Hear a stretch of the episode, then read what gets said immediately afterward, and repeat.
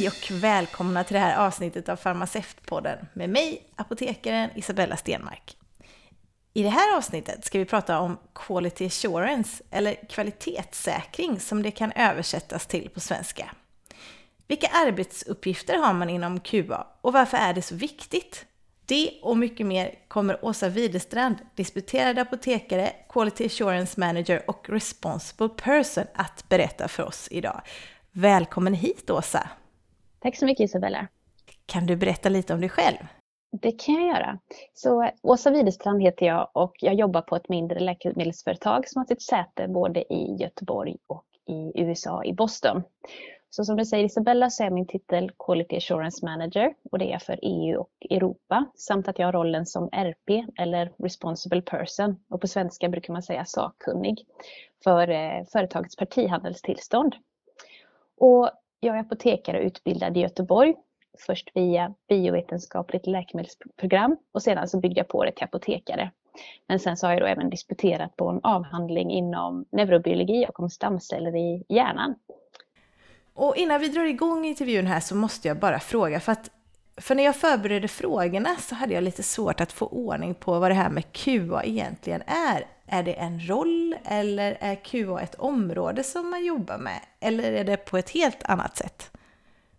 Eh, som svar på din fråga, så QA, jag skulle säga att det är ett arbetsområde, men det är också en roll som man kan ha. Så QA det är förkortning av Quality Assurance och man kan översätta det till svenska som kvalitetssäkring helt enkelt. Eh, jag kanske främst skulle vilja beskriva det som ett arbetsområde där man säkerställer att de produkter eller tjänster som företaget producerar, och i detta fallet gäller det då läkemedel, att de når slutkunden och att eh, läkemedlen har rätt kvalitet. Och det gäller då allting från eh, råmaterial till sista transporten ut till apoteket. Och så som jag ser det så handlar det mycket om att förstå risker och att bygga bort detta så mm. gott som det går. Och se till att det finns då strategier att hantera olika typer av problem om de skulle uppstå.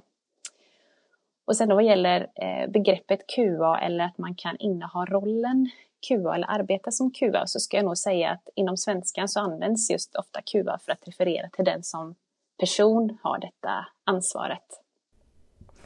Okej, men då har jag ju ändå förstått det ganska så okej. Så man kan både vara, alltså, ha rollen som QA och jobba inom QA. Helt rätt. Men du arbetar ju som Quality Assurance Manager bland annat. Vilka är de generella arbetsuppgifterna för dig, eller inom det?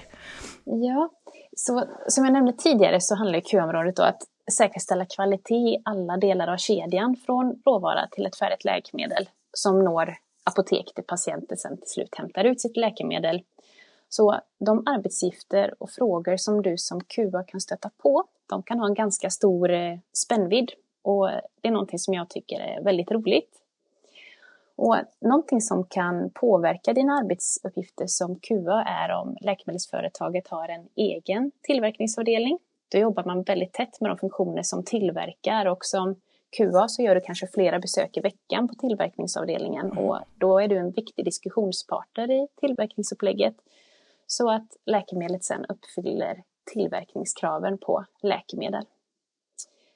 Sen kan det ju vara så att man eh, jobbar på ett företag där man helt eller delvis har utkontrakterat tillverkningen. Och eh, då har man ju då ett kontrakt med en tillverkare som har allt man behöver för att tillverka läkemedel. Det gäller utrustning, kunnig personal samt att man då givetvis har rätt tillstånd från Läkemedelsmyndigheten i det aktuella landet där man har eh, tillverkningsenheten.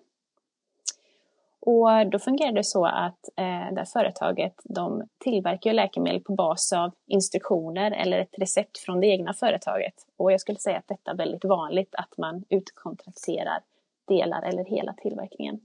Är det så att man har det upplägget, då är det jätteviktigt att man har ett nära samarbete och får veta allting som händer i tillverkningen. Mm.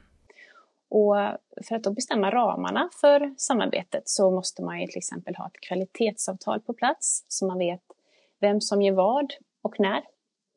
Och då blir det så att man i sitt dagliga eh, arbetsliv pratar väldigt mycket med QA från andra företag. Och så att man tillsammans löser eventuella problem som uppkommer eller om det är ändringar som är på gång.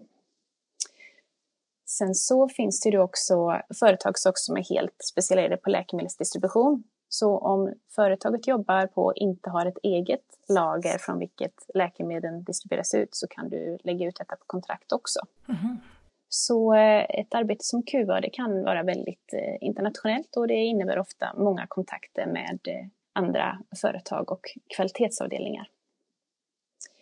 Något som jag kan nämna då, inom tillverkningen så jobbar man mot ett regelverk som heter GMP. Mm. Det betyder då Good Manufacturing Practice. Så om man översätter till svenska så blir det god tillverkningssed.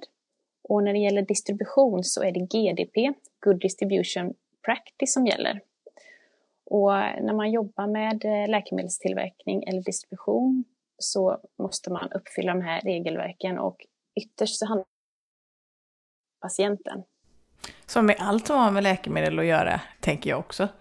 Ja, precis. Mm. Så eh, kan utveckla svaret lite mer på den här eh, frågan. För det är så att eh, inom kvalitet så finns det vissa områden som är viktiga och som alltid ligger som en bas i ditt dagliga arbete. Och eh, det skulle jag vilja nämna då till exempel avvikelsehantering. Det hanterar man enligt en viss process. Man måste hitta rotorsaken till varför någonting går fel. Och som QA så jobbar du mycket med ändringsstyrning. Och eh, på engelska kallar man det change control och det begreppet använder man i svenskan också då. Och man jobbar mycket med att förstå och hantera risker som jag tidigare nämnt. Och något som också återkommer inom QA det är att man jobbar med något som kallas för complaints. Och det betyder då att man som företag måste ha ett sätt att fånga upp från till exempel patienter, kunder, om det verkar vara något fel på eh, läkemedlet. Det kanske är någon patient som rapporterar att nej, jag tycker att eh, locket på den här burken var lite trögt att öppna. Då tar man eh, in en sån rapport och ser om kan det vara någonting som är dåligt i tillverkningen och så undersöker man det. Så det är någonting som återkommer för väldigt många QAs. Det låter lite som att jobba på apotek, eller jag, nej det är inte samma som att jobba på apotek, men man förstår ju att tänket är samma. Alltså det här kvalitetstänket, det är ju ganska spännande att det hänger med hela tiden. Jo men det gör det ju och eh, faktiskt så tänker jag på den rollen som man kan ha på apotek som heter läkemedelsansvarig mm. apotekare det finns ju många av de här typerna av processerna som till exempel avvikelsehantering och så. Mm. Det finns ju där fast i ett mycket mindre format. Så det är en helt riktig reflektion tycker jag. Um, ytterligare en uppgift som eh, finns om du jobbar inom quality. Det kan vara detta med eh, utbildningsansvar.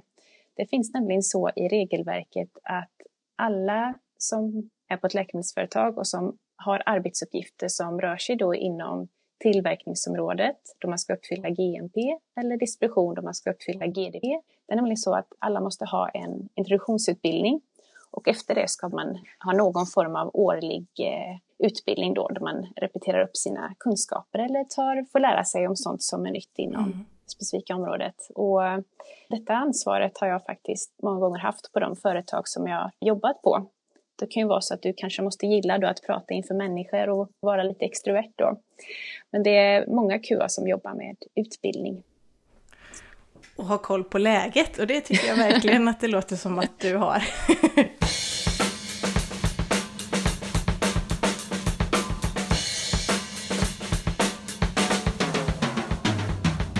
Men du är ju också RP, eller då Responsible mm. Person, eller sakkunnig.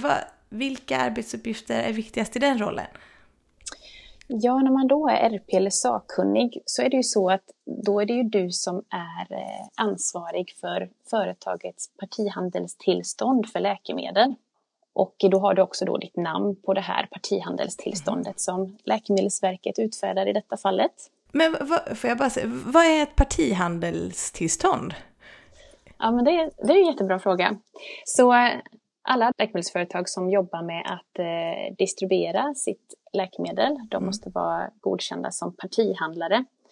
Och eh, det är ju ett, eh, ett tillstånd man får efter att man har eh, blivit inspekterad av Läkemedelsverket. Så då måste du ha ett bra kvalitetssystem på plats och ha processer på plats för till exempel avvikelsehantering och ändringsstyrning med mera. Men sen så också måste du ju ha rätt faciliteter till exempel. Och då kan du bli godkänd som partihandlare och då har du rätt att eh, köpa läkemedel av andra tillverkare eller andra distributörer och rätt att då leverera ut läkemedel till apotek eller andra distributörer. Mm, Okej. Okay. Ja, men eh, åter till eh, din roll där då som ja. sakkunnig. Precis, så är du sakkunnig så är det ju du då som är kontaktpunkt mot Läkemedelsverket. Och när det är en eh, inspektion till exempel, då är det du som är värd för inspektionen och representerar också företaget i alla partihandelsfrågor. Så är man sakkunnig, då har man ansvar för att företaget har ett bra kvalitetssystem. Då kan man säga att man har bra processer eller bra sopar. Så SOP, det är förkortning av Standard Operation Procedure då. Och att man jobbar enligt de instruktioner som man har satt upp. Så eh, för alla de läkemedel som då skickas över hela världen under vårt partihandelstillstånd så är det jag som måste se till att man har ett bra upplägg och att läkemedlet når rätt adressat i opåverkat skick. Och så som det ser ut idag så är ju allting väldigt globaliserat och en försändelse kan ju passera ganska många händer innan det når mottagaren.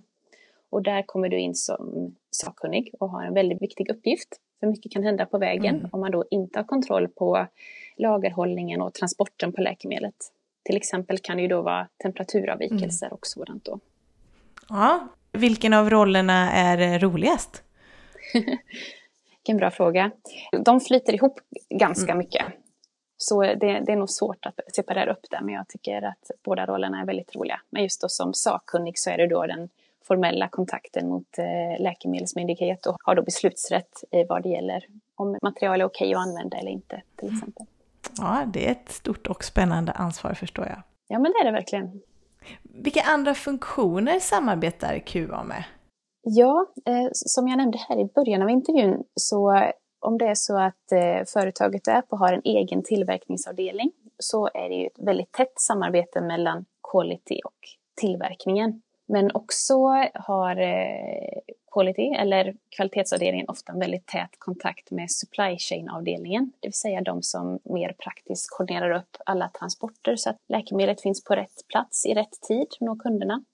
Så det är nog de avdelningarna som jag skulle säga att QA jobbar närmast med. Sen så har Quality ofta ett tätt samarbete med de som till exempel jobbar med projektledning av olika slag. Och Quality, de har alltid eh, en, en länk rakt upp i företagets ledning. För det är väldigt viktigt att Quality då håller ledningen underrättad vad som pågår, men också omvänt att du inom kvalitetsavdelningen kan få höra om att är det förändringar på gång? Ska vi börja tillverka någon ny produkt med mera? Så det är viktigt att ha ett tätt informationsutbyte. Och är det så att du till exempel är chef för hela kvalitetsavdelningen så är det också kanske troligt att du sitter med i företagets ledningsgrupp, i alla fall i den utökade ledningsgruppen. Men det låter i alla fall som att eh, QA, ni ska ha koll på grejer, ni granskar och ser till liksom att allt uppfyller alla krav. Är detta alltid omtyckt av andra funktioner? det är en bra fråga. Det som är väldigt bra tycker jag, det är om kvalitetsavdelningen kopplas in på ett tidigt stadie för att då kan man ge bra råd på hur mm. man kan jobba på ett bra sätt, uppfylla alla lagkrav redan från början. Så att då kan man helt enkelt ha en bra design på sin process och hur man kan göra saker. Så eh, då är det ofta enklare. Ja, jo men det förstår jag. Men det är en viktig roll, det, så är det ju. Ja, det är det. Viktigt. Vad är det för skillnad på en QA och en QP? Och vad är en QP? Och vem tar vilka beslut? Ja, QP, det är Qualified Person mm. och det heter ju faktiskt också sakkunnig på svenska, så man kan både ha en sakkunnig för partihandel och en sakkunnig för tillverkning. Bara för att kommentera på detta, men QP det är en roll som har sin grund i den EU-gemensamma lagstiftningen. I USA till exempel så har man inte QP-rollen exakt så som definierad i annex 16 av EU-GMP, alltså den europeiska eh, GMP-lagstiftningen. Men allmänt kan man säga så här att som exempel så jobbar det ofta på ett läkemedelsföretag, i alla fall om man är tillverkare då, flera personer med ansvar inom QA, man har många QAs, och man gör liknande uppgifter som QPn. På ett större företag kan det också vara flera QPs. Mm. Men om man är då QP eller sakkunnig, då har man sitt namn på företagets tillverkningstillstånd, så man är också ytterst ansvarig för att ta beslut om sådant som påverkar läkemedelskvalitet. Och du har också ett mer övergripande ansvar för att företaget har ett fungerande kvalitetssystem. Då kommer vi tillbaka till sopan och instruktionerna. Mm. och detta gör att företaget följer alla lagkrav som finns för tillverkning då.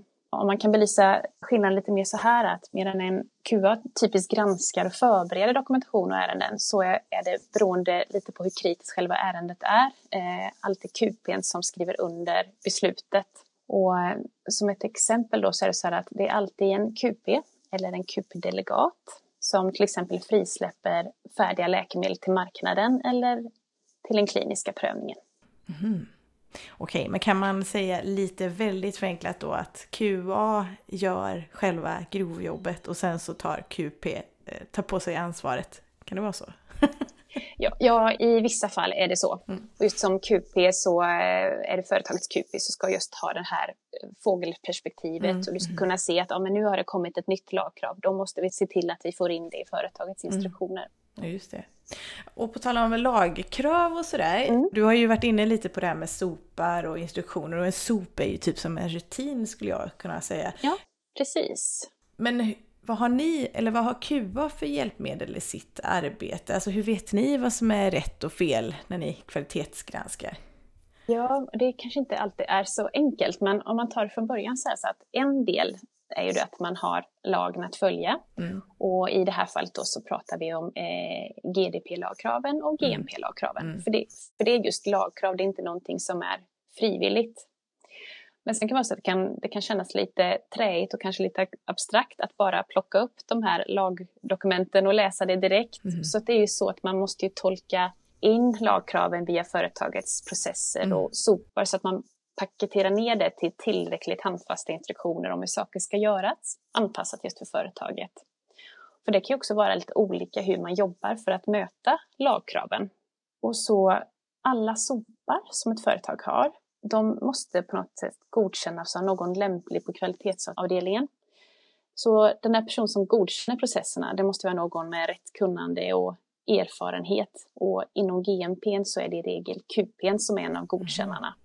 Och är det för GDP så är det RP som godkänner. Mm. Och är det så att man jobbar enligt SOPen så följer man lagkraven som finns. Och det gäller ju både då om det är en instruktion skriven för QA eller om det är en instruktion skriven för någon annan, någon annan funktion.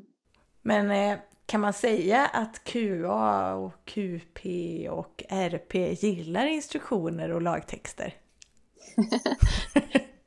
jo, det, det, det, är väl en, en, eh, ett bra utgångsläge, tycker jag. Mm. Det är nog bra att vara lite analytiskt lagd, men också omsätta detta i praktiken. Mm. Så det är ofta det att ja, om lagkravet är något visst så måste man se att ja, tycker vi att så som vi har löst det på att det är, allting är okej då. Och det är inte svart och vitt. Alltid. Nej, verkligen inte. Jag jobbar ju med farmakovigilans och det finns ju också sådana här lagtexter. Alltså det är jättesvårt mm. att förstå det där. Så jag är tacksam för alla som skriver sopar och instruktioner och förklarar.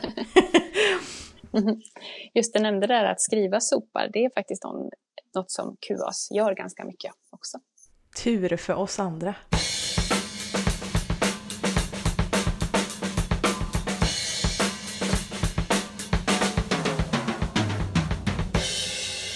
Till sak som jag tänkte på när det gäller, har man några speciella verktyg och hur vet man att man följer lagkraven? Och då tänker jag på olika riskhanteringsverktyg som finns, då man då får hjälp att eh, gradera risker beroende på hur ofta man förväntar sig att något kan inträffa samt hur då svåra konsekvenserna skulle kunna bli. Så det är någonting som är till väldigt god hjälp för QAS. Det är bra med hjälpmedel faktiskt. Ja, håller helt med. Och eftersom ni kvalitetsgranskar hela tiden, då misstänker jag att ni upptäcker avvikelser ibland. Vad, vad händer när det sker? Ja, det som är viktigt tycker jag i början det är att man förstår att man har en avvikelse och mm. att man dokumenterar och synliggör den. Och just det här med synliggörandet, det kan handla om att man lägger in den i avvikelsesystemet som man har, men också att man informerar berörda personer och avdelningar så i nästa steg då som man gör det, att man riskbedömer hur allvarlig den avvikelsen var och om det påverkar något eh, material till exempel. Och det som man gör sen då är att man påbörjar en utredning om varför det blir fel. För man vill ju inte göra samma fel om och om igen. Och särskilt inte om det är kostsamt och mm. allvarligt. Och eh, när man kommit på grundorsaken så eh, bestämmer man lämpliga åtgärder för att minska risken för nya eller liknande händelser. Ja, jag, jag som också har jobbat som LMA känner ju igen det här lite grann. Det är, tänket mm. är samma. Och det är så skönt att man kan ha med det. Eller att har man en gång förstått varför det är så viktigt med avvikelser så kan man ju ta med det om man skulle vilja göra andra karriärsval i framtiden.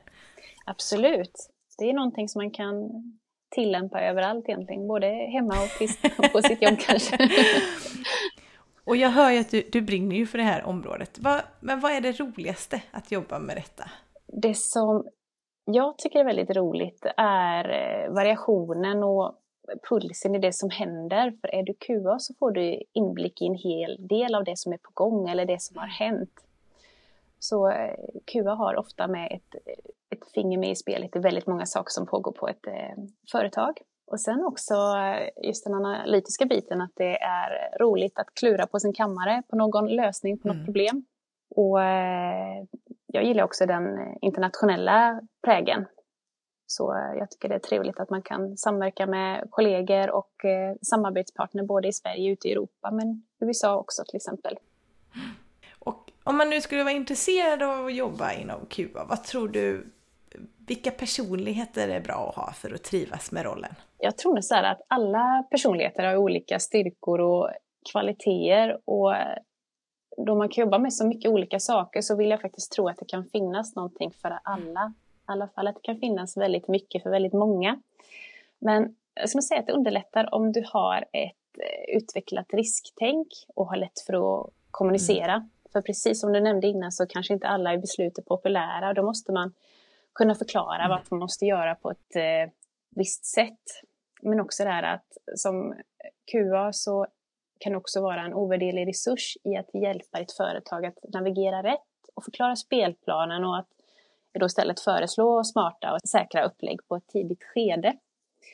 Eh, jo, sen också som QA, det är att om du jobbar mycket med att granska dokumentation, det är en del QA som gör det, så det är ju bra att ha ett öga för detaljer och vara metodisk och ha det här analytiska tänkandet och då kunna förhålla sig till fakta och det man faktiskt vet och inte vad man tror.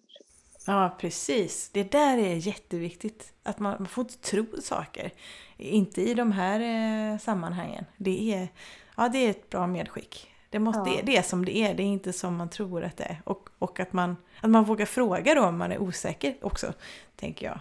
Helt rätt. Men hur är det, måste man vara farmaceut för att bli QA? Nej, det måste man faktiskt inte vara. Många som jobbar som QA, de har en bakgrund som till exempel civilingenjör i kemi eller bioteknik. Eller du kan ha en mastersexamen inom kemi eller biologi eller biomedicin. Så man måste inte vara farmaceut för att jobba som QA. Men om du däremot vill bli QP eller RP, då är kraven lite mer specifika. Då är det bra att vara apotekare eller ha en annan utbildning som uppfyller de här speciella kraven så att du har en, ett visst djup och ett visst bredd i din eh, grundexamen. Men sen så ska du också ha en eh, viss mängd av arbetslivserfarenhet. Mm. Och eh, när man då vill bli RP eller QP så är det så att företaget jobbar på och du själv, du gör ju en ansökan då hos Läkemedelsverket och de prövar ju din kompetens för QP-rollen eller RP-rollen. Jo, men det här låter ju lite också som LMA, för det måste ju också godkännas av Läkemedelsverket. Mm. Eh, jag känner igen eh, mönstren. Ja, precis. Är det så att man står i valet och kvalet och du har precis tagit studenten och känner att jag vill bli RP eller jag vill bli QP, då är apotekarprogrammet ett bra val ja, som, en liten, som en liten parentes bara. Men det är ju faktiskt bra, för då ser man lite mer konkret vad man kan göra. För man kan ju bli lite lätt lurad av vad ska man säga, yrkesrollen apotekare, för då tror man att man bara jobbar på apotek och så är det ju verkligen inte. Varken eh, farmaceuter finns ju lite överallt, vilket jag har försökt illustrera här genom åren. Ja, precis. Det som jag kan tycka är lite intressant sen när man pratar om grundutbildning, det är att så vitt som jag vet så brukar det inte vara så mycket om eh, tillverkning och distribution i grundutbildningen Nej. från ett GMP och GDP-perspektiv. trots att ganska många apotekare väljer detta som yrkesbana. Mm. Nej, jag tror inte ens, jag vet att vi pratade, men nu är det många år sedan jag läste, men jag vet att eh, GCP hörde man ju talas om, alltså Good Clinical det Practice. Det fanns absolut. Men sen var ju det en aha eh, upplevelse genom åren att aha, det finns GMP, det finns GDP, det finns GVP, alltså det finns ju jättemånga sådana GXP-regelverk eller eh, vad ska man säga, instruktioner, guidelines. Ja, alltså det finns väldigt många fina GXPs att jobba mot som apotekare. ja, exakt. Om man nu gillar att läsa lagtexter. Nej, jag skojar bara. Då ska vi eh, wrap it up här på det mm. här så det blir en liten eh, avslutning. En liten knorr. Ja, exakt. En liten knorr, ja. Exakt. Men eh, stort tack Åsa att du ville vara med och berätta mer om QA och RP och eh, QP. Ja, vi har ju pratat om massa grejer. Men det var väldigt, väldigt roligt att få eh, ta del av din långa erfarenhet. Det märks att du brinner för det här och gillar att berätta om ditt jobb. Tack så mycket, det var jätteroligt att få vara med. Tack till alla er som har lyssnat och som troget följt Farmaceutpodden under de senaste fyra åren. Det här avsnittet, nummer 36, kommer faktiskt bli Farmaceutpoddens sista avsnitt, åtminstone under den närmsta tiden. Men man vet aldrig om ni kommer få höra mig i ett annat sammanhang. Punkt, punkt, punkt. Så än en gång, tack till alla er som har varit med genom åren. Tack till alla er som har lyssnat, till alla er som på olika sätt stöttat och hjälpt mig. Och det har betytt väldigt mycket för mig. Ensam är inte stark. Och avslutningsvis, glöm inte, farmacins fana ska hållas högt. Ha det bra, hej då! Hej då!